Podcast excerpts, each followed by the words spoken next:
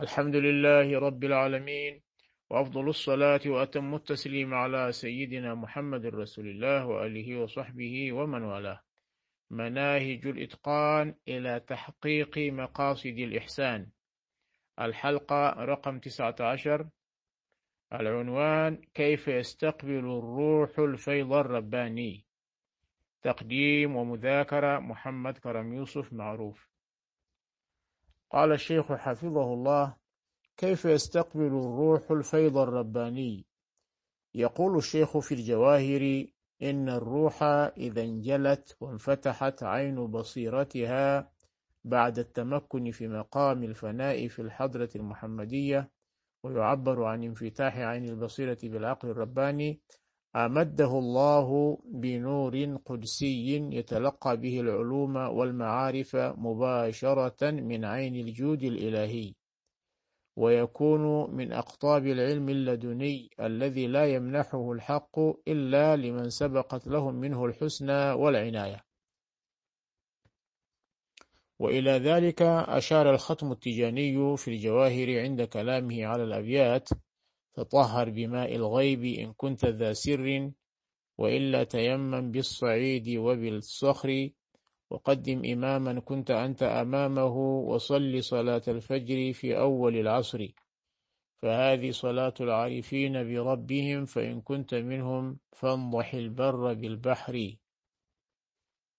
فقال والعقل هنا والعقل ها هنا هو العقل الرباني المستتر.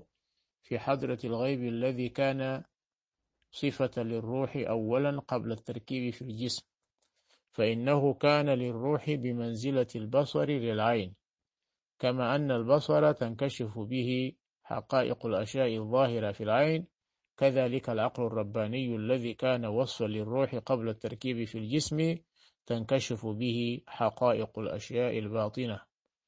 وتعرف وتعرف به حقيقة الحق حقا أو وتعرف به حقيقة الحق حقا والباطل باطلا حقيقيا.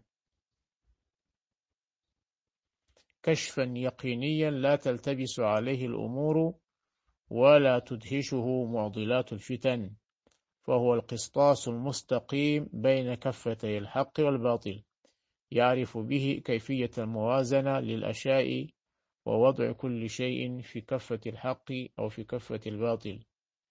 ويعرف به صورة الترجيح بين الأشياء والمعادلة. وهذا العقل الرباني يأخذ العلم عن الله, بما عن الله بلا واسطة لا يحتاج إلى تعليم معلم ولا إخبار مخبر. بل كل ما أراده من العلم أخذه عن الحق بلا واسطة. وهذا هو العقل الذي يجب تقديمه. في قوله يعني رضي الله عنه لما قالوا قدم إماما كنت أنت أمامه أقل هو العقل الذي كان يعني صفة للروح أولا قبل التركيب في الجسم فإنه كان للروح بمنزلة البصر. يعني هذا العقل الرباني هو كان يقود قبل تركيبه في الجسم كان يقود الروح. ثم إن مراتب العقل ثلاثة.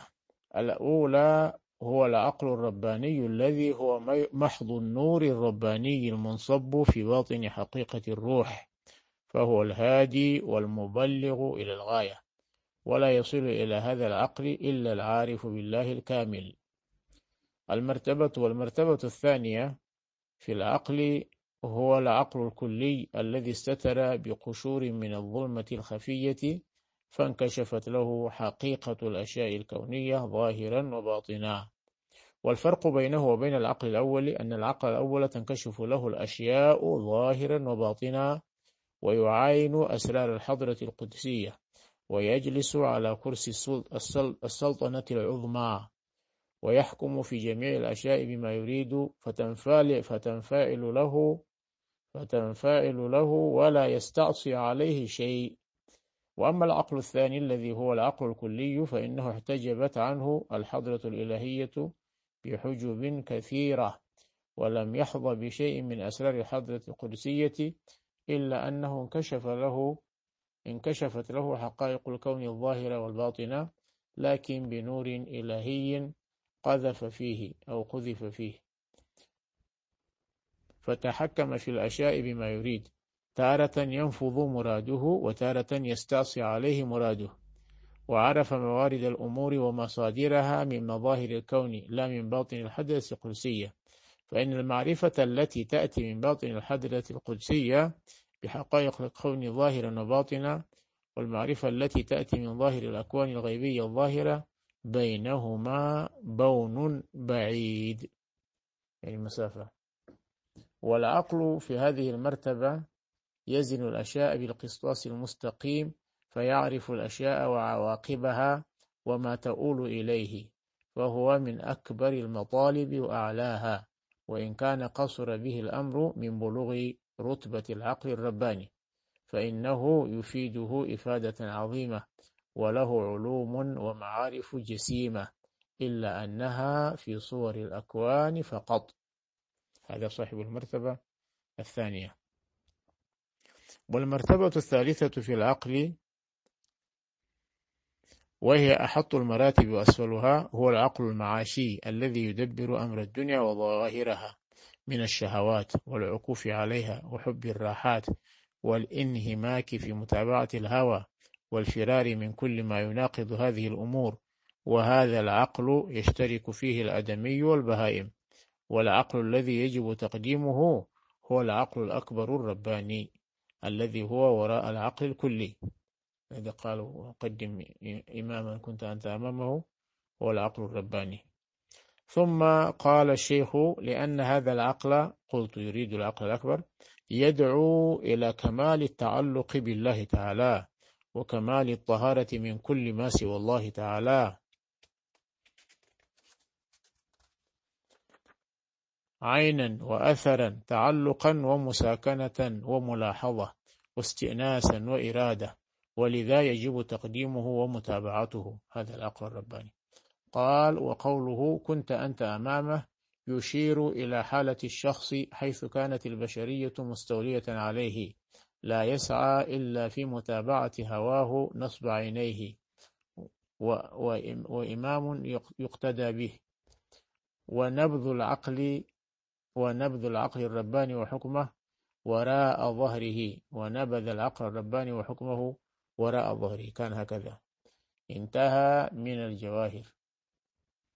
قلت وهذا الكلام من الشيخ يشرح لك حقيقة ما يريد على الولي من المعارف من حضرة الحق وشرط الانتفاع به حصول التعريف من الحق به لدى المتلقي وإلا وقع في المحظور وهو الاحتجاب عن الانتفاع به كحال كثير من المحجوبين أو ممن خلت بداياتهم من صحبة أهل المعرفة والكمال فلا ينفعهم وارد ولا كشف ولا فيض من الحضرة.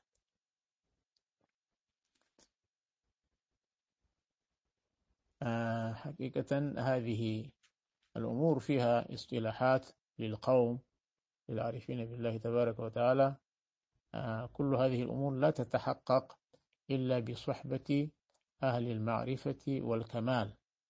أو هم الذين هم الأدلاء وهم المرشدون الذين يرشدون آه، المريدين إلى الله تبارك وتعالى ويوجهونهم التوجيه الصحيح. ولذلك قال آه، هذه الأمور لا لا ينتفع بها إلا من صحب أهل الكمال أهل المعرفة والكمال. نسأل الله تبارك وتعالى أن يوفقنا لما يحب ويرضاه. نواصل إن شاء الله تعالى.